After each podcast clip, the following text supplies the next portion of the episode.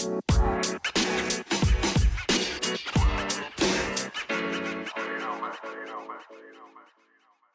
og velkommen til nok en episode av Fantasy Snakkis. Mitt navn er Eirik Boman. Her med min gode venn og kollega Eirik Dagsam Haugry. Hallo, hallo.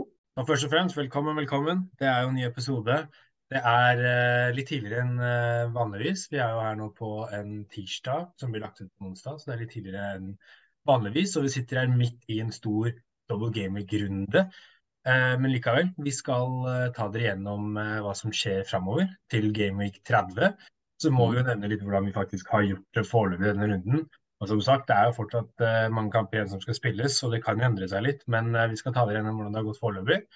Så det er jo egentlig bare å gjøre seg klar for ja, kanskje si drøye 55 minutter med litt god fantasy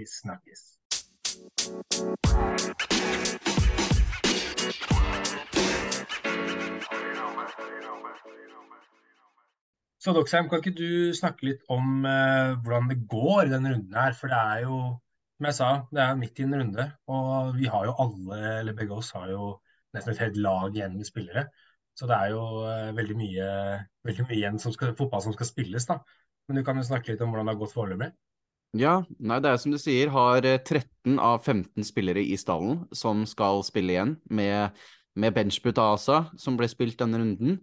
Uh, har ikke starta sånn all verdens. Um, ligger nå på 66 poeng så langt, med en minus fire-hit. Um, jeg lå faktisk på en grønn pil og var oppe sånn 8000 plasser før Tottenham-kampen. men så skårte jo Kane, jeg tror de Kane-poengene Det var mange som hadde Kane i rundt i midtsjiktet, for nå etter den kampen så detter ned på en liten rød pil nå, men det er bare snakk om et, et par hundre plasser, liksom. Ligger fortsatt rundt topp 40 000-sjiktet. Um, og det er jo som sagt da 12, nei, 13 av 15 spillere som har en kamp igjen, så her kan jo veldig, veldig mye skje. Mm. Um, ellers, de eneste som har spilt ferdig, er jo Osaka og Zinchenko på benken min. Og kan jo bare starte med at den benchboosten, den har jo ikke gått veldig, veldig bra. Uh, er da som sagt Saka og Zinchenko, som vi snakka om mye i forrige episode, var uh, bra uh, singelspillere å holde på, for det var en god kamp. Og det var jo for så vidt en god kamp, bortsett fra at Saka ble jo hvilt. Eh, og kom inn eh, på rundt 70. Eh, minutt, så han fikk bare med seg ett poeng. Og dessverre så fortsetter Arsenal litt i den trenden med at de vinner kamper veldig komfortabelt, skårer mange mål, men de klarer ikke å holde det forbanna clean shitet. Og da er det jo ikke noe vits med forsvarsspillere når Zinchenko ikke får med seg noe offensive poeng heller, så to poeng på han der, ett poeng på Saka. Og på de andre spillerne som jeg hadde på benchbussen min, var Iversen og Chilwell. Iversen henter jeg jo inn for Ward, som vi snakka om, um, og treffer jo for så vidt på den. Det er Iversen som får spille. Uh, men han klarer jo søren meg å skåre et selvmål. Uh, som gir han minus to poeng, og slipper inn to mål. Så det eneste grunnen til at han får med seg ett poeng, er rett og slett fordi han hadde åtte redninger, som gir han uh, litt bonuspoeng. Uh, ja, så, så, det var jo egentlig det eneste positive med han. Og så er det Chilwell, da som uh, får med seg en begredelig kamp uh, for Chelsea mot Aston Villa der, og, får med seg hele null poeng. Får et, et, gult kort der også, som gjør at han mister det ene poenget. Da. Så ikke akkurat veldig god på selve benchboosten, men desidert mye bedre på selve startelvelaget, da. Uh, største spilleren denne runden er jo David Raja, som klarer å få med seg seks poeng, til tross for at han spiller en kamp hvor han slipper inn tre mål. Uh, som er helt sykt. Skal komme litt nærmere på den eh, i rundens øyeblikk, faktisk. Så går videre rett til forsvarsspillerne. Um, så langt så bærer jo forsvarslinja mi ganske preg av at uh, Brighton og Brentford møtte hverandre og spilte 3-3, for det er Estupinan på ett poeng og Ben Me på ett poeng. Uh, vært veldig skuffa egentlig med Ben Me uh, så lenge jeg har hatt han nå. Uh, ikke fått med seg veldig mye. Treffer mye bedre på Trippier. Han får med seg eh, tre bonuspoeng enn uh, assist og clean shit, så tolv poeng på han, som er veldig deilig. Selv om jeg hadde bytta det clean shit-poengene hans mot en scoring for Rashford, for jeg er kaptein i Rashford. Uh, fikk jo rett i at han, uh, han spilte, han spilte fra start, men jeg vet ikke om du så den Newcastle United-kampen? Jo, jeg gjør det det var begredelige greier fra United sin side. Altså, det, så ut som de ble, de ble rett og slett mobba av ballen av et fysisk sterkere lag, og det virka ja. ikke som om de, de, ville eller hadde noe å stille opp med, nesten. Uh, så veldig, veldig kjipt der, og det gjør meg litt Jeg håper at de virkelig skjerper seg mot Brentford. Det er jo som sagt en, en kamp til, så kan treffe der, men så langt truffet dårlig på kapteinen denne runden. Uh, ellers i midtbanen så treffer jeg på Sala. I en uh, ellers dårlig Liverpool-kamp så var det deilig å få med seg det, det målet. Og treffer på begge Brighton midtbanespillerne mine. Mitoma får med seg mål. Det var mål han fikk. Ja, det var mål. Og McAllister får den straffe helt på slutten som redder at uh, han får målpoeng også, så det var utrolig deilig. Ellers i angrep så treffer jeg på to av tre. Der får jeg med Watkins, spiller en kjempekamp mot Chelsea, skårer. Tony skårer i den uh, supre 3-3-kampen der også, og får med seg tre bonus. Uh, og så syns jeg også Isak, selv om han blanker, spiller veldig bra mot United, er veldig uheldig som ikke får med seg målpoeng han er veldig delaktig. Han starter hele det angrepet som, start, som fører til 1-0-målet, og har en heading som, uh, som fort kunne gått på uh, gått, back in the goal. Så veldig positivt av han, da, selv om han ikke får med seg noe som lover godt for Westham borte. Så overall ikke veldig happy med selve benchboosten. Greit fornøyd med laget ute på banen. Og som sagt, det er mange kamper som skal spilles, så her kan mye skje. Ja, det er det. Det er nettopp det at det er uh, utrolig mye kamper som skal spilles. Og da kan uh, ting snu veldig fort. Uh, men jeg mm. tror sånn som så mye poeng som du ligger på nå, og med tanke på spilleren du har igjen, så det skal mye til for at det skal gå skeis da. Ja. så det er ikke sånn Det blir spennende å se, da. Men jeg tror du kan få at hvis du går, i Sigrid innfrir, så tror jeg fortsatt du kommer til å ha en ålreit runde. Det kommer ikke til å gå så Det kommer til å være ålreit, men jeg skulle gjerne hatt uh, Jeg vet at det er mange som Det er litt spredt kapteinsvalg kapteinsvalg denne runden, så det hadde vært veldig deilig med et målpoeng, i hvert fall, på kaptein. Ja, ja uh, jeg sitter på 68 poeng. Mm. tok også en minus fire. Uh, solgte jo Ward for Neto, March tok jeg inn for Ødegaard. Så solgte jeg Zinchenko rett før deadline der for Chilwell. For jeg vurderte å beholde han, eh, eh, for jeg tenkte ja, det, Leeds hjemme det bør først bør holde clean shit, men så kom jeg litt på det som du sa, at Arsenal klarer ikke å holde clean shit om dagen. Så mm. da var jeg sånn, det er lurere å ha en Chilwell som har en dobbeltkamp enn en Sinchenko som bare spiller én kamp. Det er høyere, høyere tak i den Chilwell-runden. da. Samtidig som nå så har faktisk Chinchenko fått mer poeng, da, riktignok, eh, enn det Chilwell har akkurat nå. men ja, jeg var jo egentlig fornøyd med det da, når, eh, når eh, Leeds fikk med seg den siste skåringen på, på, slutten her. Da ble jeg liksom da, nå ellers hadde jeg blitt dritsur for det jeg solgte Shinchenko, egentlig. Uh, og jeg... det, det, glemte jeg, det, glemte jeg, å si uh, med at uh, Isak henta jeg inn for Haaland. Da. Det var der den minus fire kom fra. Ja. Nei, og så sitter jeg med Raja, jeg også. Trippier og Estupinan og Henry og Chilwell bak som mm. er eh, Trippier og Raja. Får med seg bra. Og så har jeg Madison. Skulle gjerne hoppa på litt mer der, men jeg tror han har en fin kamp nå mot Aston Villa. Og så har jeg jo McAllister Rashford, og så cappa jeg Solly March. Mm, Spenstig. Ja, det har jeg jo fått uh, tjent på det foreløpig, istedenfor Rashford. Uh, March fikk med seg en assist, og så har han Bournemouth borte nå, så jeg er veldig håpfull for dem. da, Og så gikk jo De Serbi ut nå og sa at det vil bli endringer i laget. De som har spilt landskamper, er slitne. Og det har jo ikke Solly March gjort, så han skal jo være good to go igjen mot Bournemouth. Mens McAllister Metoma, Stupinan kan det være litt skummelt for. Og så sa han at jeg husker ikke hvilken spiller det var, men Julio, eh, husker ikke etternavnet, skulle starte, mente han. Og da er det jo da er ikke det så positivt for en Mitoma eller McAllister heller. Hvem var det som skulle starte, sa du? Han sa Julio, men jeg husker ikke hvem det er. Er det han uh, og jeg tror jeg, når jeg kan se han for meg, nå husker jeg ikke akkurat navnet, men uh, det er jo litt Han tror jeg spiller litt den um, tierrollen også, så da kan hende McAllister, hvis han spiller, bør flytta litt lavere også. Ja, det jeg også leste, at han blir fort, fort flytta lavt da. Og mm. det er ganske ideelt. Uh, så vi får se, det blir spennende å se den lagoppstillingen som kommer i kveld mm. for, for, Brighton. Og så har jeg Tony og Havertz uh, framme. Skuffende med Havertz. Han så litt sliten ut, som vanlig.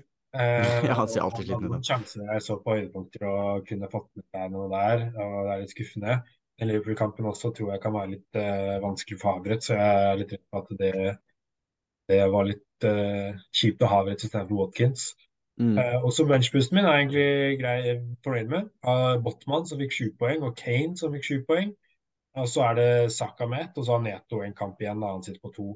Så foreløpig så er det jo eh, 17 poeng på benken med to kamper igjen på benken. Så benchbussen har egentlig gått eh, ganske bra. Og veldig deilig med eh, Kane-skåringen i går, da. Mm. Eh, at eh, han innfridde. For jeg skjønte at det var noen som ikke hadde Kane. Og jeg føler jeg er veldig glad for at jeg har holdt på han hele tiden. For jeg har skjønt at han er veldig, som jeg har sagt tidligere, han er stedig. Og jeg, han kommer til å sanke meg jevnt med poeng hele tiden enn å hoppe på noe tog her og der og ikke treffe. Så følte jeg bare sånn Jeg skal sitte med Kane. Og Mm. det har jeg fått, fått igjen for foreløpig, da. Og det er jeg veldig glad for. Um, så da er det jo Jeg også har da igjen 13, nei, jo, 13 mann som skal spille kamp.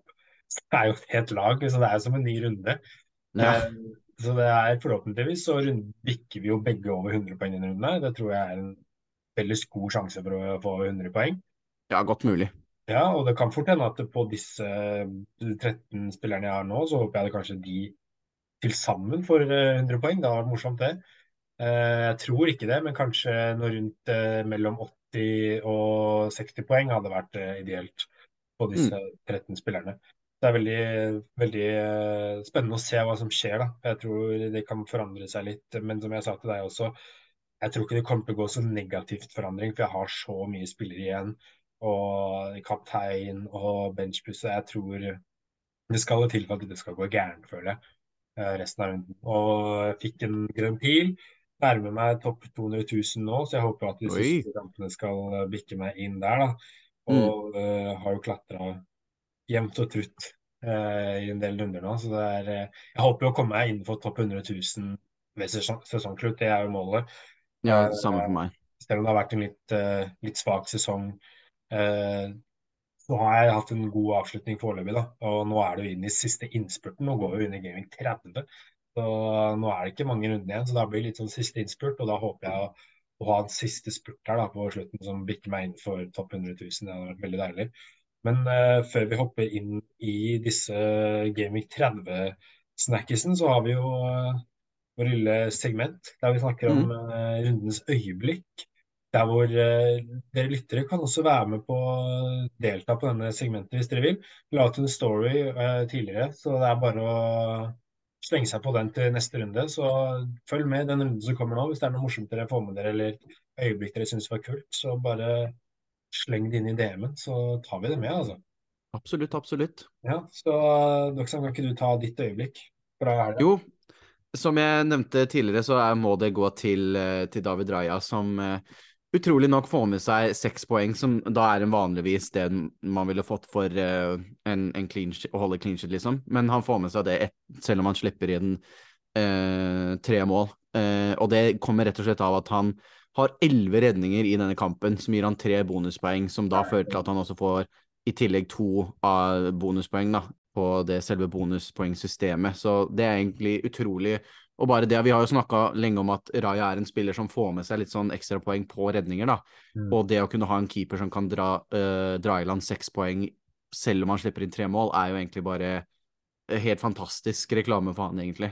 Uh, og utrolig deilig. Og det er morsomt at uh, For vanligvis så er det litt sånn kjedelig hvis du ser på en kamp, da, eh, og så har du en keeper eller forsvarsspiller fra det laget, og så slipper de inn et mål, så er det liksom ofte i fantasy-setting så er det da Da er det kjørt, liksom.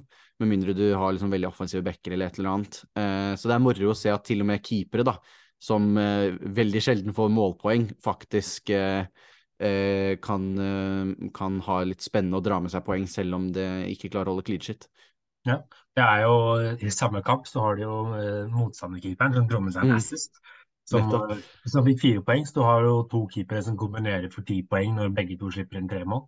Og det er Mm. jo ganske utrolig i seg selv, egentlig. Ja, det er godt jobba. Det jeg tenker Hvis du sitter der med, med Stil og Raja, som er en veldig normal kombinasjon å ha nå, så Mm. må du være ganske fornøyd med at du kom ut av den kampen der med ti poeng på keeperne dine. Ja, i hvert fall i en 3-3-kamp. Ja, i hvert fall hvis du sikkert hadde Du hadde jo garantert eh, noen offensive fra Brighton og Brentford også i tillegg da. Mm. Så jeg var ganske fornøyd med det. Men uh, ja, mitt øyeblikk uh, kommer jo fra Arsenal-matchen, for jeg syns det synes det var litt morsomt. Og det var litt sånn Noe jeg la merke til, da, var jo at det var så mange som var sånn Skal jeg selge Hvem skal jeg selge? At jeg Saka, Ødegaard og Zinchenko? Det er mange som har alle de tre spillerne. Og da var det jo aller flest som valgte å selge Ødegaard. Jeg valgte jo også å selge Zinchenko, da. Mm. Det var mange som solgte Ødegaard og beholdt Saka Zinchenko. Og så kommer jo den kampen, og da sitter jo Saka på benken og får ett poeng. Og så har Zinchenko en clean sheet i sin hulehånd, og så ender de opp med å slippe en ganske drittmål på slutten der. Ja. Eh, så, så da rykker clean sheeten hans, og så får Ødegaard med seg en, en nydelig assist til Ja, den eh, var, den var fin, den. Det var en fin pasning til Sjaka, så det var litt Mm. sånn der Ja, ja. Alle solgte Ødegaard, men det var han som fikk return av de Arsenal-gutta, så det var vel egentlig han man ville beholdt. Og i tillegg Martinelli dro vel med seg en assist der, han også. Eh, Så det var eh, litt typisk at eh, i hvert fall vi som også snakka, det er det Saka vi må ha. Saka vi må ha. Eh, så er det han som ender opp med å få minst poeng av de tre gutta den runden. Det er jo det som har vært litt eh, i Arsenal nå, som er eh, veldig bra sånn eh, rent fotballmessig, men ikke så veldig bra fantasy-messig, er jo at sånn som i City, så ser du at det er liksom Målene kommer gjennom én spiller, og da er det veldig greit, for da er det ganske lett å velge det i Fantasy. Du velger Haaland, for det er der flesteparten av målene kommer. Mens i Arsenal så, så er det veldig mange som Det er ingen som skårer utrolig mye, men det er veldig mange som skårer en god del, da. Og da er det litt sånn Da, må man, da skal man treffe på de. Uh, og da Det er jo vanskelig vanskeligere i Fantasy, for det er liksom sånn Du kan ikke ha Saka, Martinelli, Ødegaard, du kan ikke ha alle tre hele tiden, og da er det liksom sånn hvem av de skal man velge, og så må du prøve å treffe på de når de er da, og her har vi et godt eksempel på at hvordan det kan treffe imot, da. Ja, det er nettopp det. Eh, Det var jo eh, gjennomgang av runden som pågår. Mhm. Eh, Og nå kan vi jo egentlig bare hoppe inn i vår hoveddel, som er da Vi skal snakke om hva som skjer nå til Game Week 30. Og selve det innholdet vil jo ikke forandre seg selv om vi er midt i en runde som pågår. Jeg har Mm. gjort det mange ganger før at vi har sittet der eh, en onsdag, og så er det kamper som skal bli spilt igjen på en onsdag. Så dette er ikke noe nytt for oss å spille inn eh, en hoveddel med fortsatt kamper igjen av runden som pågår. Så ikke fortvil eh, at rundene fortsatt pågår. Innholdet vil være ganske likt uansett hva. Så ikke fortvil. Og med den lille notisen på slutten, så tenker vi bare kan hoppe inn i hoveddelen vår. Det gjør vi, vet du. Vi hopper rett inn.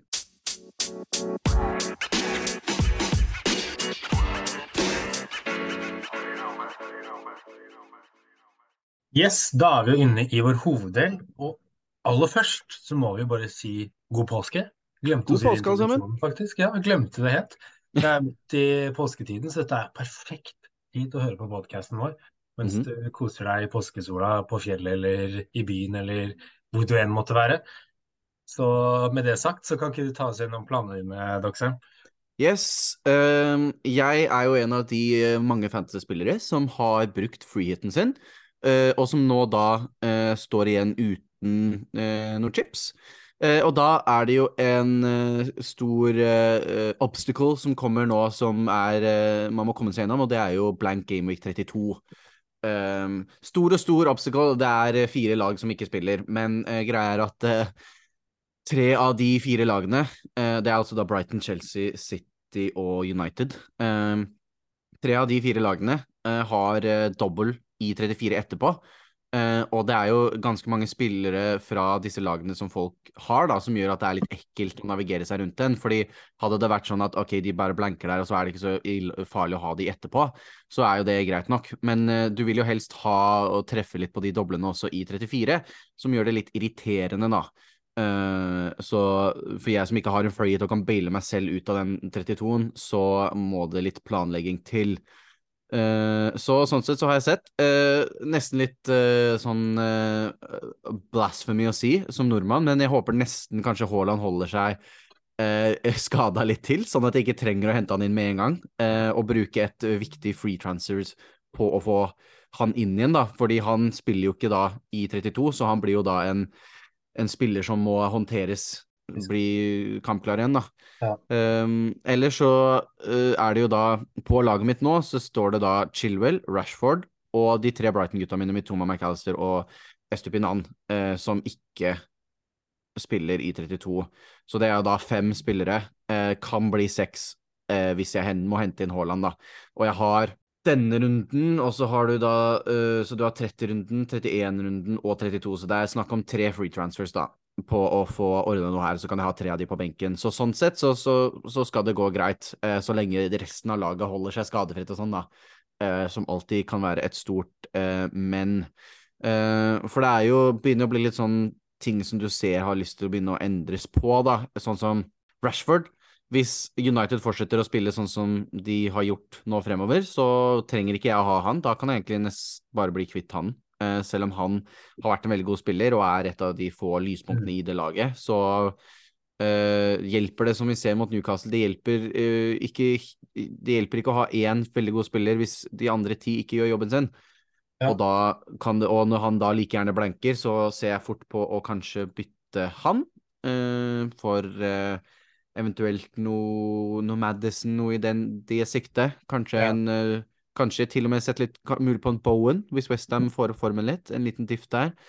Um, Eller så har jeg også sett at det har vært veldig lite clean sheets i det siste, eh, de siste rundene, og det er veldig lite poeng egentlig å hente i, i forsvarsspillere, så jeg vurderer å eventuelt fri opp en, kanskje en Brighton-spot, få ut Estupinan, uh, bytte han mot et eller annet. Uh, rett og slett å se på hvem, hvem, av disse spillerne som blanker i 32, er det jeg har mest lyst til å beholde videre. Ja. Som jeg har lyst til å sette på benken, da, som jeg kan ha tre av. Uh, så sånn, sånn, som det står nå, så kunne jeg Jeg kan bli kvitt skal vi si Rashford Esupinan, så kan jeg ha Mitoma McAllister Chilwell på benken. Chelsea har ikke gjort det så himla bra i det siste. Jeg vet ikke om Chilwell er verdt å ha. Nå skal jo de få ny trener, så det blir jo spennende å se om han i det hele tatt er førstevalget der. Det er jo mye som er litt usikkert der. Og han ryker nok for Haaland. Eh, får, Haaland får prioritet over han, så hvis jeg skal hente en Haaland, så blir det fort at en Chilwell ryker. Så øh, det er bare litt sånn øh, se framover. Eh, sånn sett så føler jeg ikke at jeg må gjøre noe bytte akkurat denne runden. Eh, bare litt sånn greie med hvem som skal på, på benken og sånn. For Saka, sånn som det står nå, så kjører jeg en 3-5-2.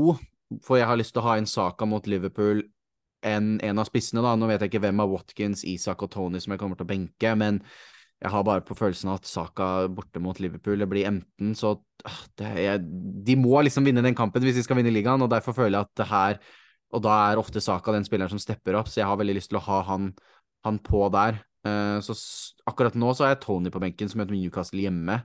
Uh, men det blir fort han for Isak. Watkins har jeg ikke lyst til å benke, for han har Nottingham Forest hjemme. Og Nottingham Forest er et sånt lag som veldig, veldig hjemme, har vært veldig gode hjemme, men veldig dårlig borte. Så mm. Watkins uh, ser jeg nesten på som et kapteinsvalg også for den kommende runden. Så han, uh, han kommer nok til å, å spille. Eller så litt sånn det er Førsteprioriteten min er jo å, å sørge for at uh, å få gjort unna den blank 32, sånn at jeg kommer meg gjennom den. Men ja. så ser jeg også litt på sånn andre prioritetsplaner, da, som skal komme etter. Uh, og da ser jeg jo litt sånn Jeg trenger ikke nødvendigvis å fortsette å ha Arsenal-forsvar, heller fri opp en, en, spot der, kjøre to i midtbanen eller noe sånt. Bli, uh, bli kvitt Zinchenko. Uh, som sagt, det er blitt litt sånn det, ikke så mye, det virker som det er så mye poeng å hente i forsvar lenger det er liksom ikke noen sikre lag. Det er mye, mye kamper som ender ja, Det blir mange mål, men det, det, blir ofte mål på begge sider. da, Så det er vanskelig å treffe på disse clean sheetene, som er, eh, som er irriterende. Så sett på å kanskje få han ut. Eventuelt kanskje hente han inn fra Ben White, som har tratt på, på målpoengskoa sine. Eh, selv om jeg tror ikke at det kommer til å fortsette sånn konsistent, liksom. Så nei, det er vanskelig, men eh, det er jo også, som vi snakker om, eh, mange kamper som skal spilles igjen før, før deadline. Så blir det spennende å se hvordan spiller under det der. Hvis Rashford plutselig viser kjempeform mot Everton, så er han kanskje mer aktuell å holde på. Brentford, uh, ja, nei, nå så jeg på Det er i 30 han har eh, Everton. Det er Brentford han har nå, i denne runden. Det stemmer. Så ja, så det, det, blir spennende å se på det. Men det ser, det ser ut som det, det går mot en Litt an på hvordan uh, skaden til Haaland er, så blir det fort en, en, minus fire da ser ut som skal være det verste som skal til for at jeg kan stille fullt i blank 32, så sånn sett fornøyd med det, da. Uh, så krysser fingre og, og tær at uh, resten av spillerne uh, på laget som faktisk spiller da, ikke får på, dra på seg noen skader eller sånne ting, da. Ja, for det er litt sånn som jeg har sett på det, er jo, er litt sånn som Jeg er veldig enig i alt det du sier. og sånn jeg jeg tok jo, jeg har jo free hit, men jeg tenkte på de som ikke har free hit. Det er en av de som ikke har det. Mm. Så er jeg litt uh, på det, jeg også, uh, for å gi litt uh, generelle, generelle, råd. Mm. og da er jo liksom, som du sier, spørsmålet hva man skal gjøre med disse Brighton, Man og Chelsea-spillerne. For det er de mange har, og det er de som blanker i Game 32. og så er det mange som vil ha inn Haaland. Og det er jo mange som ikke eier han heller lenger nå, for de har solgt den, ikke sant. Mm. så det jeg tenkte er jo at assuming at du skal kjøpe Haaland tilbake, eh, så må du nok regne med hits for å stille elleve spillere på banen i Game 32. Og alt Ja. er jo veldig avhengig av hvor mange spillere du eier da, fra disse lagene. Og i mitt scenario eh, så har jeg regnet med at du har tre Brighton, som mange har. F.eks. en Chilwell, Rashford og Haaland, så altså, eh, og du henter inn Haaland nå, så altså seks spillere. Eh, og det er da, betyr at tre av de må jo vekk. Eh, og tre av de, fordi Truma har tre på benken. Så det betyr at eh, Og da tenker jeg at kanskje du beholder en March, Mitoma eller McAllister som en av de tre Brighton-spillerne. Mm. Eh, også da en Rashford f.eks. og Haaland på benken. Mm. Eh, det er jo litt sånn som Hvis Rashford er helt ute av form, så kan man jo kvitte seg. Jeg er helt enig med det resonnementet du hadde, at hvis han er ute av form, så kan man jo selge han også. Og beholde, kanskje hvis man har McAllister med Thomas, beholder man begge de to, da, framfor en, eh, en Rashford. Eh, men eh, i det scenarioet her, så er, er Rashford fortsatt i form. Eh, Mm. Så betyr det da at, som jeg sa, at man må selge tre spillere. Og det betyr i grunnen egentlig minus fire, for det ene byttet er jo et Haaland-byttet, ikke sant? Ja, du hadde klart deg uten, uten hit hvis man står med Haaland, da, for da slipper man å Ja. bruke det ene på å hente han inn igjen. Ja, og dette er jo, dette er jo scenario hvor man har seks spillere, så da vet man da blir det minus fire for å få elleve spillere på banen, og det er jo det man vil ha, altså da null på benken som spiller. Eh, og, og der samtidig så skal man jo kanskje hente disse Brighton-spillerne tilbake for en dag med double gaming 34, så det er også noe man må tenke på, Mm. eh, som kan bli vanskelig å navigere. Eh, men i teorien, da, hvis man har seks spillere, så vil det bety at man bruker ett bytte på å hente inn Haaland, og så da tre bytter på å få kvitte seg med tre av de seks spillerne, eh, som betyr én minus fire og elleve spillere i Gaming 32. Se bort fra skader, som du sier, eh, også. Så det er jo det er jo ikke krise. Når, jeg, når det først kom ut, så tenkte jeg at det her kan bli veldig grusomt å håndtere seg rundt. Og manøvrere seg rundt og alt det der. Eh, og for meg også, som har free så har jeg jo tenkt at eh, jeg må jo ikke bruke det hvis, sånn som jeg så nå, at det ser veldig overkommelig ut egentlig. Hvis man planlegger byttene sine. Eh, og jeg har jo sagt hele tiden at jeg har egentlig lyst til å bruke free for å maksimere en dobbeltrunde. Og jeg tenker jo at det blir verre da etter Gaming 32 å få tilbake mange av disse spillerne man selger, da. For det er jo Mm. ManU, City og Brighton dobler jo også igjen i Gameweek 34. Eh, det er vel de lagene Ja. Eh, som det blanker i Game 32, så er det Brighton, City og ManU som dobler igjen 34. Så det betyr at du har kvittet deg med noen spillere som du vil ha tilbake igjen. Og da har man jo bare i grunn eh, to, to runder på å få inn. Da har man to gratisbytter igjen.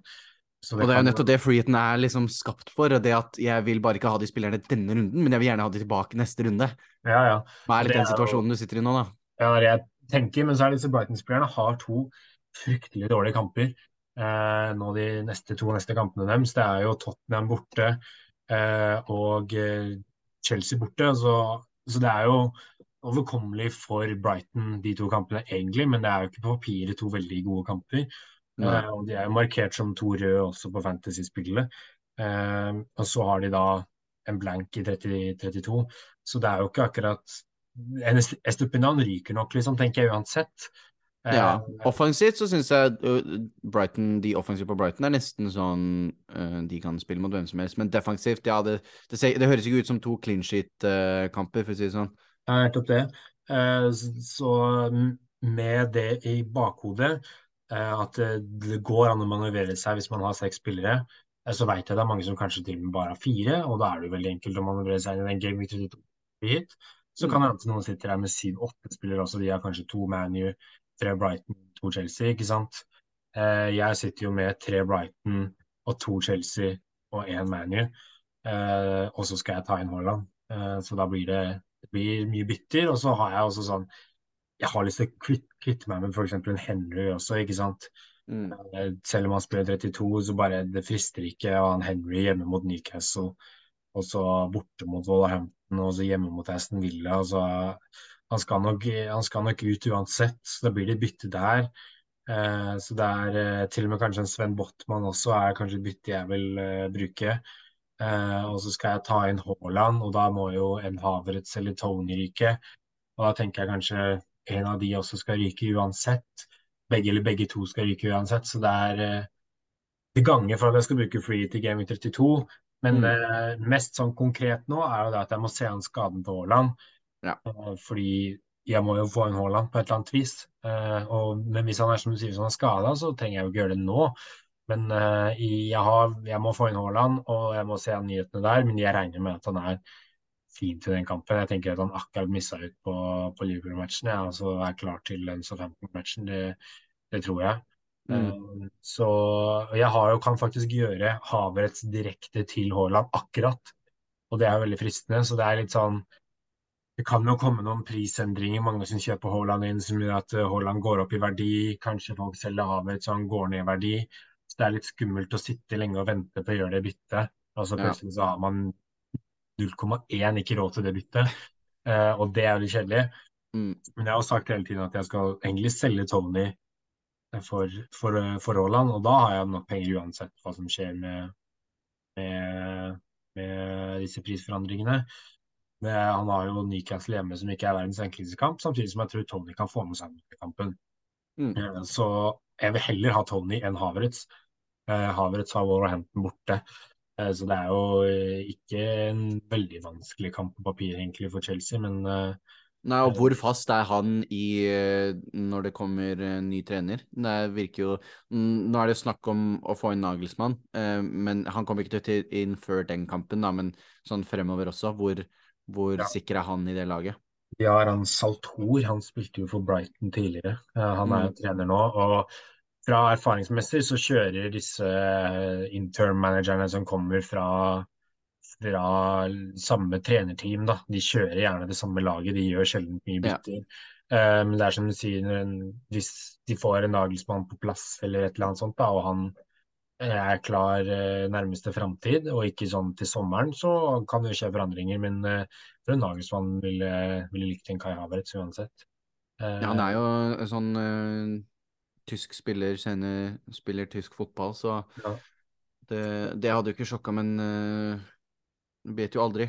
Må i hvert fall følge med på han. Og hvis han da jeg regner ikke med at Nagelsmann kommer før kanskje den blanken uansett, da, men eh, Chelsea har jo ikke en dobbel etter 32 ellers, så det er jo sånn sett lettere å kaste ut de spillerne.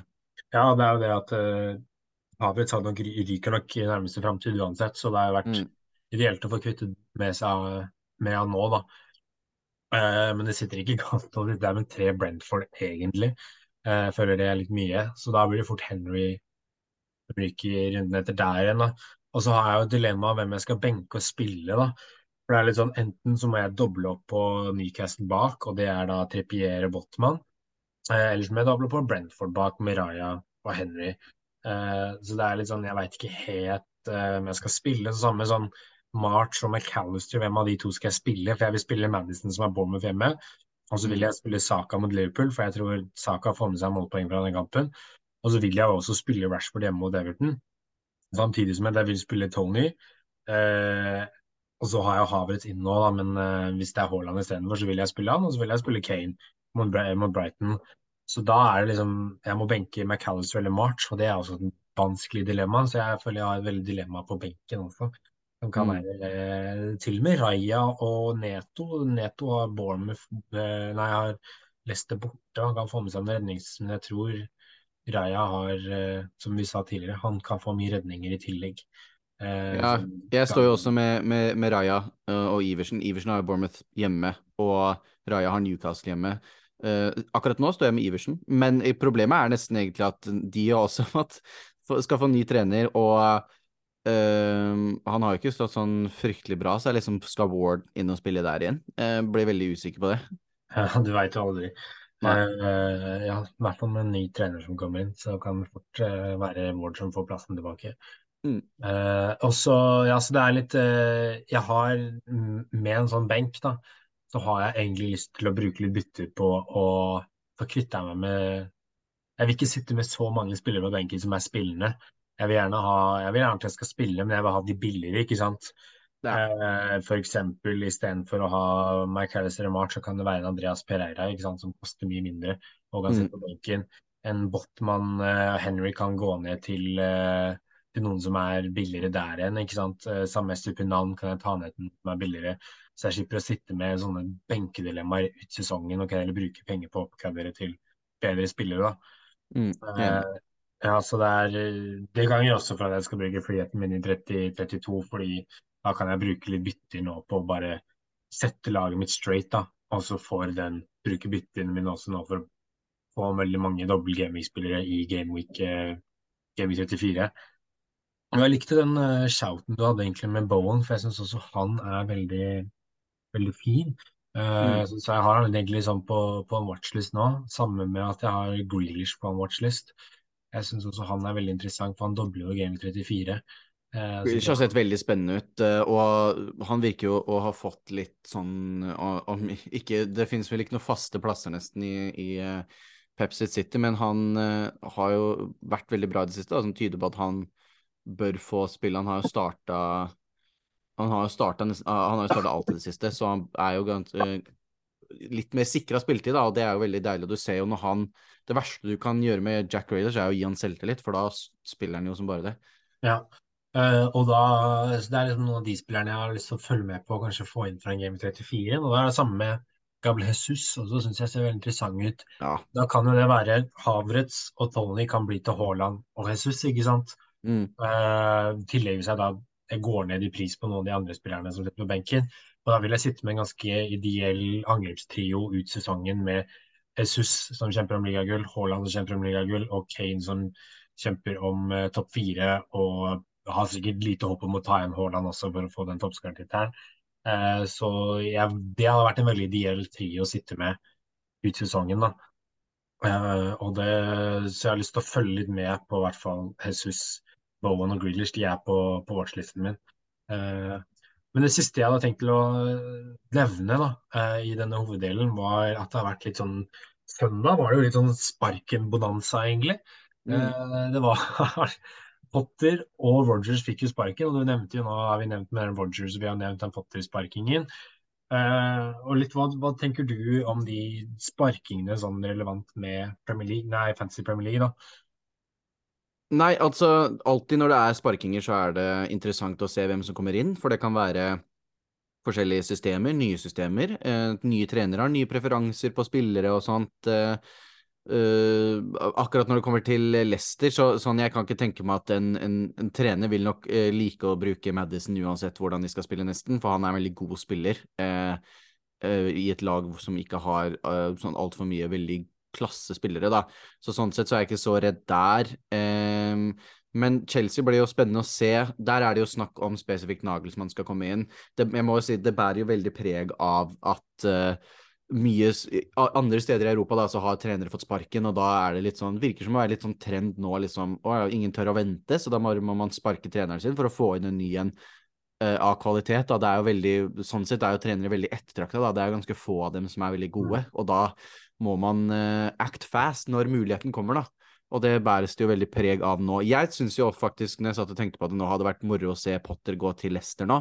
Tror det kunne vært en klubb som, uh, som passer han litt bedre, og nå er han jo ledig, så hvis han vil ha en jobb igjen så fort etter. Uh, men det blir jo spennende å egentlig bare følge med. Som du sier, så tror jeg ikke det blir så mye endringer i de kampene som kommer nå i rund, kanskje si neste runde og runden etter der, da, bare fordi at uh, sånne interim managers uh, eller caretakers, de pleier ikke å gjøre så mye andre forskjell. Spesielt da han som trener Chelsea nå, han var vel i trenerstaben til Potter, og ofte så har jo de ganske like ideer når det kommer til hvordan fotball skal spilles, og vil da mest sannsynlig like de samme spillerne. Det er først når vi får nye faste trenere at det kan bli spennende. Spesielt uh, i Leicester så kan det jo være spillere som ikke har vært uh, interessante før, som kan bli interessante, som Harvey Barnes, kanskje Kastan, litt forsvarsspillere hvis de blir mer solide defensivt.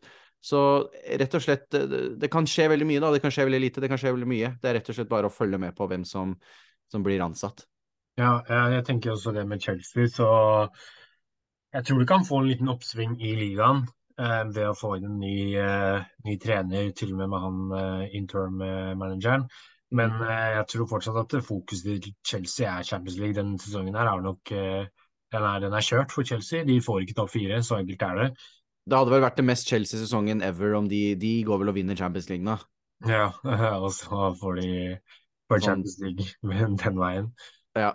Eh, nei, jeg tror, jeg tror, det er der fokuset til Chelsea er ut sesongen. Og mm. så mm så får vi bare Jeg syns det er spennende med Leicester også, som du sier. Jeg synes det er spennende å se hvem som kommer inn der. For de har mye spennende spillere, egentlig, da. Det er som Mm. du sier, Castagne og Harvey Barnes og så Madison, som jeg også sitter på nå. Og så kanskje en Kelechi Nacho. Eh, kanskje, kanskje han begynner å bli et fastvalg, eller eh, Daka, da. Det kan du se. Kanskje du får en utprega spiss der, det er det som er problemet. Du har ikke hatt noen utprega spiss i Leicester. Nei, Eh, og, og alderen har virkelig tatt igjen, eh, eh, var det, altså. Ja, den har det. Eh, så det kan bli, det kan bli veldig spennende å se hva som skjer der, eh, og hva, hva det har å si for, for Fantasy Premier League. Mm. Eh, så det er egentlig bare å følge med på hva som skjer. Eh, og jeg, jeg har ikke noe mer jeg vil si egentlig enn hoveddelen. Uh, du har ikke noe mer, du? Nei, det har vært en, eh, en god gjennomgang. Eh, som sagt så blir det litt sånn eh, to Én fot i, i hver eh, kamp, på en måte, når det er eh, runde som pågår og en runde som skal eh, planlegges. Så viktig å holde, holde tunga rett i munnen, men jeg syns det har vært en god gjennomgang. Ja, så da tenker jeg vi bare kan gå inn i våre faste, artige, morsomme spalter. Det syns jeg vi skal gjøre. Vi hopper rett inn.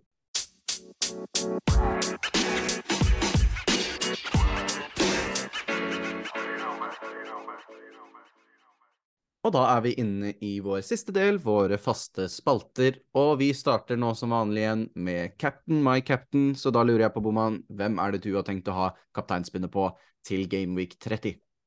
Um, jeg har jo sett på uh, Rashford, Saka og Madison eh, som to, tre veldig morsomme valg. Rashford er litt sånn, du må se an kampen mot Brentford i morgen. Eh, hvordan, eh, hvordan det kan gå. Hvis, han, hvis Manu får en skikkelig oppsving i kampen og Rashford er i form, så syns jeg han er fin hjemme mot Everton. Samtidig som jeg tror det kan bli en tøff kamp for Manu. Mm. Eh, så han er nok eh, minst attraktiv eh, av de tre, egentlig.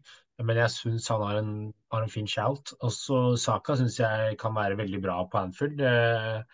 Det er som vi har snakket om tidligere, at det, den kampen kan gå begge veier. Enten så kan fort eh, Liverpool vinne 3-4-0, det har de gjort mange ganger mot Arsenal på Anfield. Eller så kan plutselig bare Arsenal komme der og feire av banen, som de har gjort bort mot Tottenham bl.a. At alle Mm. tror at dette blir kjempetøff kamp, og så bare spiller Arsenal spillet sitt og maler, maler dem ned. Og Liverpool eh, strutter jo ikke akkurat av selvtillit. Eh, så det hadde ikke sjokket meg hvis Arsenal hadde kommet der og så bare gjort sånn som de har gjort hele sesongen, eh, og maler de ned. og Da er fort Saka involvert i disse målene. Og han er tilbake fra start mot Liverpool, det er, kan vi vel begge si 100 sikkert. Jeg regner med at han eh, ble hvilt mot Leeds nettopp pga. at han skulle være 100% til Liverpool. Ja, eh, så det er jo kanskje den viktigste kampen Arsenal har utenom selve City-kampen resten av sesongen. For det er jo der alle sier at hvis Arsenal vinner den kampen, så, så er det liagull. Da har de én hånd på trofeet. Mm. Uh, så, så det blir veldig spennende. Og jeg syns Saka jeg tror det kan så fort bli to-tre mål til hvert av lagene. Og da, som sa, Saka kan fort få med seg en tolvpoenger i den kampen der. Mm. Uh, så jeg synes han er interessant. Og så Madison syns jeg er interessant for en diff. Han har jo Bournemouth hjemme. Litt også se hvordan det går med Leicester med etter Rogers-sparkingen. Støtter Mm. oss helt i dag, så kan det være veldig fristende med Madison Cap hjemme mot Bournemouth. Altså. Eh, han også fort kan få tosifret antall poeng enn hjemme mot Bournemouth. Og så så klart det obvise valget og det safeste valget og det enkleste valget er jo Haaland. Om han spiller. Ja, Mm. om han, om han spiller. Det er jo det man må se om skaden, men Ja, veldig dårlig cap hvis han ikke spiller. ja, hvis han, hvis han er frisk, så, så er det veldig enkelt å sette bindet på han. Men jeg har også vært litt i humør siste runden og, og sette, som jeg sa, March nå. Det er morsomt å spille fantasy litt sånn med kapteinspinn og leke litt med det, da. Og ha det litt gøy med det bindet mens man kan, fordi snart er jo sesongen over, og da er det lenge til neste sesong. Så det er jo fint å ha det gøy mens man kan med spillet. Mm. Eh, Så det er tankene mine, da. Hva er tankene dine? Nei, eh, veldig eh, samme som du tenker egentlig, bortsett fra at jeg har ikke Madison, eh, så han er ikke et, et valg for meg. Eh, som du nevner, syns jeg Saka alltid er et valg når han spiller. Eh, han jeg er 100 sikker på at han ble hvilt mot Leeds nettopp fordi at de visste at det kunne gå mye greiere, og så har han klart til, til Liverpool. Det er bort, Liverpool borte på Anfield er jo som Arsenal-fan de Det er kanskje den kampen jeg gruer meg mest til hele sesongen. Og det er jo Den har aldri vært så viktig som den har vært nå. Eh, og det tror jeg gutta vet også. Så, og når det har når det har strutta litt imot og vi har trengt spillere som skal uh, stå på og liksom vil ta grep, da, så har det ofte vært saka. Og jeg har en liten følelse og, og håp, er det kanskje mer, at, uh, at han gjør det også nå uh, til helga. Så det kan være et veldig godt kapteinsbytte. Eller så syns jeg også at Watkins hjemme mot Nottingham Forest er veldig spennende. En Watkins i form som skårer, et Nottingham Forest som er veldig dårlig borte det lukter jo eh, målpoeng, eh, så er det rett og slett Men er, lukter det mer målpoeng borte hos Saka, liksom? Eh, eller så har jeg også Sala.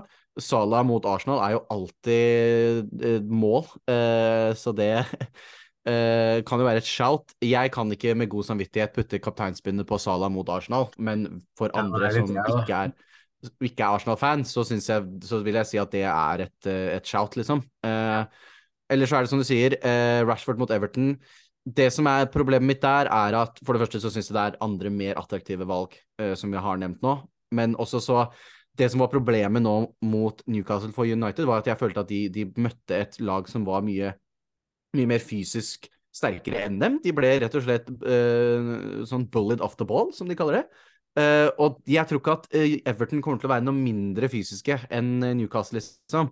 Uh, selv, om, selv, om, de er på bortebane, så tror jeg det kan bli Hvis de fortsetter å spille sånn som de gjorde nå, uh, mot Newcastle, så tror jeg den kampen blir fryktelig vanskelig, for det var så lite kreativitet, og det var, det var ingen som kunne åpne noe forsvar der. Og det blir ikke noe uh, Det blir tightere mot Everton, for å si det sånn. Så mm. Rashford uh, synes jeg ikke er så attraktiv nettopp på grunn av det, da. Så det blir enten Saka eller Watkins for meg, tenker jeg. litt ser an uh, hvem, uh, hvordan uh, Watkins gjør det nå mot Leicester borte, og så ta et avgjørelse på det, egentlig. Hvis du får inn Haaland også, da tenker du at det blir han, eller blir det fortsatt en av de to? Nei, da blir det nok fort Haaland, ja. rett og slett fordi at jeg tror kanskje Watkins hjemme mot Nottingham Forest er et bedre valg, men det blir tøft å gå uten rett og slett litt sånn skademinimering. Tøya gå uten Haaland. så kommer han inn, så blir det fort han, ja. Ja, det skjønner jeg veldig godt. Men uh, Jeg er jo, som jeg har sagt i tidligere episoder også, så er jeg jo litt i en posisjon Jeg er jo i en forsvarsposisjon. Mm. Ligger eh, fremme i miniligaer, ligger høyere enn målet mitt denne sesongen var jo topp 100 000. Nå ligger jeg nesten topp 40 000. Uh, så dette er jo egentlig en, en, en, posisjon som jeg må forsvare, og da er det gøy å gamble når du skal angripe, men uh, ofte så kan det føre til I toppen så er det såpass eh, tett poengmessig at du mister du liksom eh, Går du ikke for den Kane-capen og han får to mål, så er det plutselig sånn 10 000 plasser, liksom. 40 000 plasser. Så, ja. det, er så det, er det som er så skummelt, da. Ja, det er eh, Man skal passe litt på. Jeg vil også bare gi en, mm. en shout, selv om ingen av oss er disse to spillerne. Så siden vi nevnte både Saka og Salah, så syns jeg man kan nevne en Martinelli og en Darwin Nunes også. De to er to mm. som er litt outsidere i den kampen, da, hvis man vil satse på den kampen. Hvis man satser på at det blir mye mål, som det fort kan bli, eh, så er de Vi så jo på Emirates, det bare ble jo 3-2 til, til, Arsenal. Eh, mm. Så jeg syns de to er fine outsidere som kapteiner hvis man skal gamble litt på noen andre enn Salah og Saka. Så syns jeg Darwin og, og Martinelli er eh, to veldig veldig eh, outsider picks da, som kan fort uh, slå an veldig bra. Altså. Definitivt, definitivt. Så med det sagt, så tenker jeg vi bare kan hoppe rett inn i jokerspalten vår. Og mm. for dere som ikke husker eller ikke vet, så er jokerspalten vår det er der hvor vi velger en spiller i hvert ledd som er eid under 10% Så Doxheim, kan ikke du ta din forsvarsspiller? Yes, det kan jeg, vet du. Der har har vi godeste Alex Moreno. Har vært i denne spalten før, hvis jeg ikke tar helt feil. Eid av bare 0,5% og han er med i dag fordi at jeg føler at defensivt Villa har gått litt under radaren. Mm. Uh, Moreno har fått return på de siste fire kampene sine. Uh, de har Nottingham Forest uh, hjemme, Newcastle hjemme og Brentford borte, og Fulham hjemme de neste kampene. Tre av fire der altså hjemme, og clean shit på de siste to kampene og en av de kampene var mot Chelsea, liksom. Uh, også med den eierandelen som i hvert fall Moreno har der, da, så er det veldig mye diff-poeng å hente der uh, defensivt i Villa, og i Villa generelt, utenom Watkins, vil jeg si. Uh, ja. Så bare få fram, få fram litt defensivt Villa der. Ja, det er jo ikke noe dumt hvis man skal gamble litt. Det er spalten her er for. Um, jeg har valgt Manuel Akanji fra Manchester City. Mm -hmm. jeg føler han også er liksom, blir best for oss som skal få gi til Gameweek 32. Det er litt dårlig timing å hente han siden om han blanker i Gameweek 32, men likevel. Det er jo fint å være på han tidlig. han koster jo fortsatt bare fem blank og er eid av bare 2,3% så det er veldig lav eierandel. Eh, veldig bra erstatning f.eks. For, for en Chilwell, til og med hvis man skal gå litt opp eh, fra Enrico Henrik. Ikke sant? Estupinan, hvis man skal gå litt opp derifra. Så er det ikke så mye opp til Emanuel Akanji. Og han ser jo ut til å spille absolutt alt for Manchester City. Det er sjelden Akanji blir benka. Nå mot Liverpool så spilte jo City med fire, fire midtstoppere. Uh, ja, de hadde Joan Stones spilte midtbane, liksom. Ja, for jeg kunne godt tatt med Stones inn i den spalten jeg vurderte å ta nå. Men jeg valgte kanskje jeg følte han er mer sikrere enn Stones. Mm. Uh, og, han kan, og, han er uh, veldig viktig, og han kan være en veldig bra spiller å ha med seg fra City inn i denne innspurten av Fantasy. da. Fordi yes, De kommer til å være i Champions League, men jeg tror kanskje kommer til å være ganske sett når de til og med blir litt sånn Champions League-drilling, så er, har det vist seg tidligere at Akanji eh, spiller mye, selv om de spiller Champions League. Så jeg mm. føler han var den mest sikre av disse, disse City-forsvarerne, da. Enig, enig. Ja. Eh, da er det over til eh, midtbanen. Så hvem er det da valgt der? Der har vi en, eh, en gammel kjenning tilbake. Eh, godeste Granit Xhaka. Og ja, dere hørte riktig. Eh, Granit Xhaka koster bare 4,9, eid av 2,5% som jeg synes, må være ærlig syns var litt høyt for Xhaka. Eh, og han er med tilbake nå fordi at han endelig har funnet tilbake i målformen sin. Han har to mål på to kamper nå, og du ser etter at uh, Jesus har kommet tilbake nå, og Trossard har fått spille litt spiss, at han trives mye bedre i en sånn rolle offensivt da, enn når de spiller med Niketia, som de har, har måttet gjort i mange måneder nå, som er litt grunn til at han har falt under radaren igjen. Uh, for uh, når du spiller med en Jesus som liker å droppe mer ned, og som ikke tar all Som ikke pusher linjer, liksom, litt mer som Nketia gjør, så blir det mindre rom for Sjaka. Men nå, som Jesus er tilbake, eller Trossard spiller en mer sånn falsk nier når han spiller spiss, så er det mer plass i, for en indreløper som Sjaka å, å gå offensivt. Og det begynner man å se litt konturene til nå, at han, han finner tilbake i den. Han hadde jo egentlig en ganske god sånn målpoengsform i starten, uh, midten av sesongen, før Jesus ble skada, og det virker som den kommer litt tilbake nå. Han er øh, altså den ellevte mestskårende midtbanespilleren i Fantasy denne sesongen. Han er seks poeng bak Bruno Fernandes, liksom, og han har åtte poeng mer enn Madison.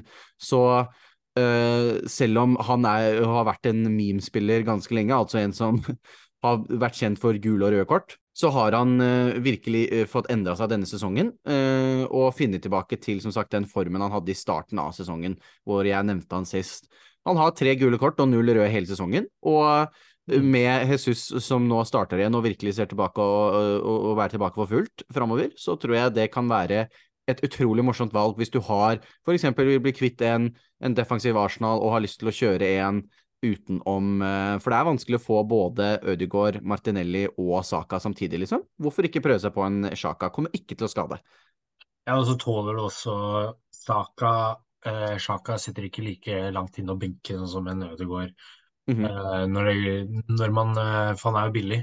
Og som jeg sa tidligere, det er noen som vil frigjøre litt midler og vil kvitte seg litt med spillere for å ikke ha så sinnssykt sterk benk hver eneste runde. Mm. Da kan jo Sjaka være fin, for han kan du spille, og du kan benke han. Så jeg syns mm. det er en uh, fin shout å få med seg inn, uh, inn, uh, inn i innspurten av, av fantasy. Mm.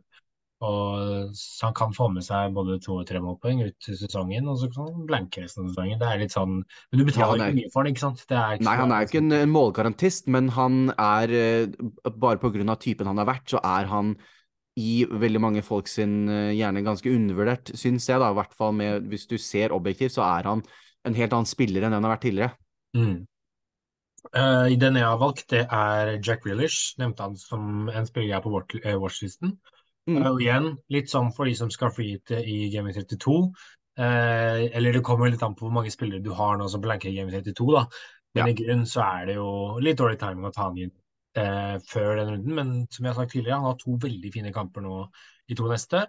Men uh, Jack Grealish uh, han koster jo bare 6,8, så det er ganske billig for en fast inventar på uh, front, de tre framme på Manchester City. Det er ganske billig, billig. altså.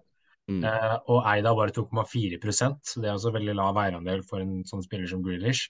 han har, han har 15 borte og så Leicester hjemme, så det er to veldig fine kamper uansett å ha han med seg, tenker jeg. Uh, og hvis du tåler å ha ham på benk eller tåler å spille med ni-ti spillere i Gaming 32, så kjør på, tenker jeg. Eh, mm. Spiller nesten alt for øyeblikket og har begynt å til og med produsere målpoeng. Så da er det jo Han er jo en sylfrekk spiller å ha med seg, tenker jeg. Ja, han har aldri sett så bra ut for City enn det han har gjort ja, nå, det. så det er virkelig tiden å komme på han. Ja, eh, og så kan jeg bare ta angrepsspilleren min først nå, for jeg tenker at jeg syns en angrepsspiller Det begynner å bli de samme spillerne som går igjen, syns jeg. Mm. Uh, jeg skulle gjerne sagt liksom Jesus nå, men han har jo fortsatt en vanvittig høy eierandel. Det var i starten av sesongen så eide jo 80 av han, og det er jo mange som fortsatt har inaktive lag og sitter med en Jesus, ikke sant. Ja, jeg tror fortsatt det er på sånn 25% eller noe sånt, jeg, som ja, jeg sjekka. Ja, så det er Jeg skulle gjerne liksom sagt han, men eh, han kan jeg jo ikke si. Og da syns jeg det blir litt sånn, det blir liksom de samme spillerne. Men jeg valgte Brennan Johnson. Skårte nå mm. sist igjen. Eh, litt derfor jeg valgte han, for han var het. Jeg tenkte enten Johnson eller Solanke, for å være ærlig. Mm. Uh, og vi har jo nevnt han masse. Det koster 5,7. Veldig ålreit tredjespiss. Uh, spesielt hvis man skal frigjøre midler. Så å ha en spiss man tåler å benke også. Som vi har sagt tidligere, de er ekstremt gode på hjemmebane. Uh, litt vanskeligere borte, men hvis det blir mål borte, så er Ben Johnson som regel involvert. Uh, skåret sist og har en kamp til den runden. Kan jo se an den kampen der også. Eh, han er Aston Villa borte og ManU hjemme og spiller i Game 32, eh, riktignok mot Liverpool. Jeg tror den hjemmekampen ManU fort skårer der også. Altså. De, mm. også, de, har jo henta poeng mot City hjemme. De har slått Liverpool hjemme. Eh, så de er veldig solide på hjemmebane. Altså. Eh, og så Han uh, ser ut til å skåre masse mål, uh, og han er veldig fin sånn joker, tredje da, hvis man ikke skal ha Tony eller eh, Jesus, så syns jeg eh, han kan være veldig, veldig grei tredjespiss om ikke har så mye midler i, i spissene. Og så har eh, Nei, jeg så noe feil. Glem det siste jeg sa. Men uh, han er iallfall en veldig fin joker tredjespiss, syns jeg. da. Jeg er veldig veldig enig. og det, Han bikka nå over 100 poeng eh, denne sesongen, er på 102 nå. Eh, og alltid gått litt sånn under radaren. sånn Nottingham Forest, etter de liksom var snakk om de skulle sparke Steve Cooper, så har de liksom bare gått jevnt og trutt. Eh, greia er jo at de er nesten to forskjellige lag på hjemme- og bortebane, men til en spiller til den prisen, så kan du bare Han er helt greit å ha på benken, og så spiller du han hvis han har en god hjemmekamp, liksom. Det er ja, perfekt. Og han er jo den spissen med femt mest poeng da, av alle spisser. Mm. Så, og det er jo bak disse Tony, Kane Haaland og Watkins. Det er jo et spiller som f.eks. henta mer poeng enn Havertz. da. Ja. Uh, i, denne, i, denne, og Darwin Nunes og Gabriel Sus og alt det der. Så det er jo en uh, det er en veldig, Hvis du har sittet med han hele sesongen, så har du egentlig henta ganske mye poeng på han og gjort et godt valg. Mm. Det var jo sånn som Vi har jo nevnt um, han um, Ferguson på, uh, på, Brighton også, som er i sånn samme prissjikte, men han spilte jo ikke nå mot, uh, mot Brentford. Uh, det var det kanskje mest fordi han har vært og, og spilt med Irland, men uh, det skjer ikke med, med Brendan Johnson, for å si det sånn. Han spiller for uh, Nottingham Forest. Ja. Da kan jo jeg gå på min angrespiller også, og veldig enig som du sier, det er det er ikke så mye spennende i, i spisssjiktet nå under 10 uh, Jeg syns Brennan Johnson var en, en, veldig god shout. Uh, eneste som sagt er at han har to At det er noen bortekamper der da, som ikke Nottingham Forest er så gode på, men uh, den hjemmekampen mot Manu ser veldig spennende ut. Jeg har da valgt å gå med litt kjedelig, samme som sist, Alexander Isak, rett og slett fordi at jeg syns han er det beste utenom Brennan Johnson i det, i det eierandelssjiktet. Uh, koster 6,7, eid av 6,1 uh, Som nevnte tidligere, spilte veldig bra mot ManU. Uheldig å ikke få med seg noe, noe målpoeng. Spilte en god kamp. Uh, eneste er at Wilson kommer innpå der siste ti og, og scora. Uh, ja. Så han er jo også Hvis, hvis han blir uh, førstespiss igjen, så er det, det er egentlig førstespissen i Newcastle som er interessant her. Uh, per nå så er det Isak, men Wilson også til en 6,9, eid av bare 2,7% kan også være veldig spennende om det viser seg at han skal få starte, da. Men det, sånn som det står nå, så er Isak jeg synes den, uh, den beste jokeren utenom Brennan Johnson til under 10 Ja, Jeg er bare glad du ikke valgte Mitrovic. Han har fått åtte kampers karantene nå. Han har fått åtte kampers karantene, ja. Ja, for det røde. For det røde Ai, ai, ai. Ja, jeg syns også Isak er veldig fin, eh, fin tredjespiss. Mm. Uh, så det var jo egentlig våre jokere. Så hvis du vil ta oss gjennom vår siste spalte Yes, da er vi på alles favoritt Eirik mot Eirik, som er denne lille mikroligaen vi har i podkasten, hvor hver runde så har vi et tema. Vi velger en spiller ut fra det temaet, og så kjører de en liten head-to-head den runden, da. Eh, så langt eh, så er jo som sagt, som vi har nevnt eh, tidligere i episoden, så går denne, denne runden fortsetter å holde på. Mm. Og alle spillerne våre eh, har ikke spilt ennå. Det var jo eh, eh, Forrige runde så var det spillere som hadde eh, gjort målpoeng i landslagspausen. Og da gikk jeg med Bakayo Saka og Boma med Bruno Fernandes. Bruno har ikke spilt sin siste kamp ennå, så hvor mye poeng han ender på, og hvor mye totalen blir, det vet vi ikke ennå. Eh, kan jeg si for min del, har Saka med uskyldt ett poeng, eh, som tar meg opp på 67 totalt. Så det er eh, fullt mulighet for Boman å, å hente igjen mye, mye poeng her. Står på 50 før Bruno sine poeng er telt. Eh, så selv om den fortsetter, så har vi valgt å, å gå med spalten igjen denne runden. Og da, siden det er uh, påske, så har vi valgt påsketema for uh, Eirik mot Eirik. Og den har vi valgt å, å, å ta ganske sånn uh, loosely based, altså at hva som gjelder påsketema, har vi valgt å ikke være så veldig strenge på. Sånn som vi diskuterte, det er liksom Er det gule drakter? Er det fugletema i, i, i logoen til klubben? Sånne type ting. Um, og selv om uh, denne forrige runden fortsatt foregår, så er Bruno allerede på to poeng, så han har allerede fått mer poeng enn Saka. Um, så jeg kommer til å få minst poeng denne runden, og velger dermed først. Og jeg har valgt å gå med det kanskje det mest påskete av alle Premier League-spillerne, nemlig Gabriel Jesus har jo da Jesus i navnet sitt, som er grunnen til at vi feirer påske i første omgang. Så du blir, får ikke mer påskete enn det. Nei, det er nettopp det. Det er sant. Eh, Jesus er jo eller Dette er jo hans høytid. Eh, Yes. Så Jesus, eller Jesus, eh, er jo et veldig, veldig godt valg. Eh, Jeg tenkte jo litt på disse lagene som har gule, borte, eller gule drakter. da. Da er det Everton og Forest som har to gule bortedrakter, og så har du en Warhampton som har en gul-ish hjemmedrakt. da. Og så er det jo Mm. Tottenham som har en kyllinglogo. Eh, og vi, du nevnte kanskje ikke det, men vi valgte å frede Kane. Ja. Eh, litt fordi det er Kane, og det er litt kjedelig valg for å være helt ærlig å velge Kane. Eh, så jeg, men det er ikke så mye som frister fra det Tottenham-laget. for å være helt ærlig. Det er en Kulusevski som jeg hadde lyst på, ikke lyst til å velge sånn. Han så forferdelig ut igjen i går mot, uh, mot Everton. Mm. Eh, så, og så var det Everton. Det er, mm, der er det bare mål fra Michael Keane og Tarkovskij. Ja, Han, han gjør ikke det målet der igjen, for å si det ja, altså, Det lukter liksom ikke så mye mål fra så, fra så mange vinkler fra det der Everton-laget. Og så Warhampton er ikke mye som frister. Så var det en Forest, da, han godeste Ben Johnson. Um, og de har Aston Villa, men det var den bortekampen. Så det ble litt sånn mellom Kulusevski og Ben Johnson. Jeg står egentlig og vipper litt mellom nå hvem jeg skal velge av de to. Eh, jeg tror jeg tar en uh, en Swede, jeg, med Kolosevskij. Uh, får nesten ta, ta vår landsmann, ikke landsmann, men naboland-spiller i Dejan Kolosevskij. Og jeg er så glad i han som fotballspiller. Han er, helt Ja, han er morsom. Fellow. Scandinavian blir det der også. Da er det For påsketema så har jeg gått med Gabriel Jesus fra Arsenal, og Boman har gått med Dejan Kulusevski for kyllingklubben Tottenham. Eh, så blir det spennende å se for det første hvordan det ender med Bruno, og hvor mye poeng du får tatt igjen der, og hvordan det blir da neste runde. Får, eh, får Bruno rødt kort nå, så må, så må VAR inn og steppe her. Og så må jeg Da. Det, den hadde ikke tenkt på. Det hadde blitt eh, historisk Eirik mot Eirik-avgjørelse hvis det blir sånn. Liten tro på det skal skje, men vet du aldri. Plutselig så er det jo opp noen hender og noe kveling, og det, det skjer mye rart nå i ManU-kamper, vet du. Ja, Eller så er ikke Rashford på banen, så tar Bruno straffe, så bommer han. Det, Ja, det mye kan skje.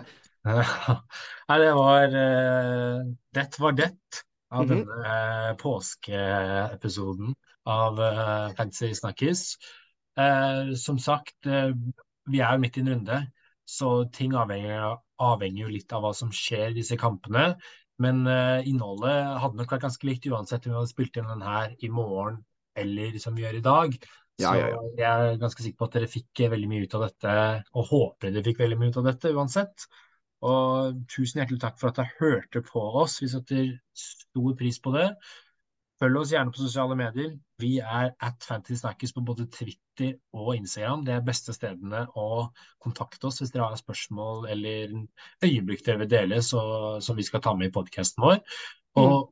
ønsker dere fortsatt en riktig god påske. Kos dere masse hvor enn dere er i verden. Eh, forhåpentligvis så er det sol, og dere spiser deilig godteri og alt som uh, hører til med påsken.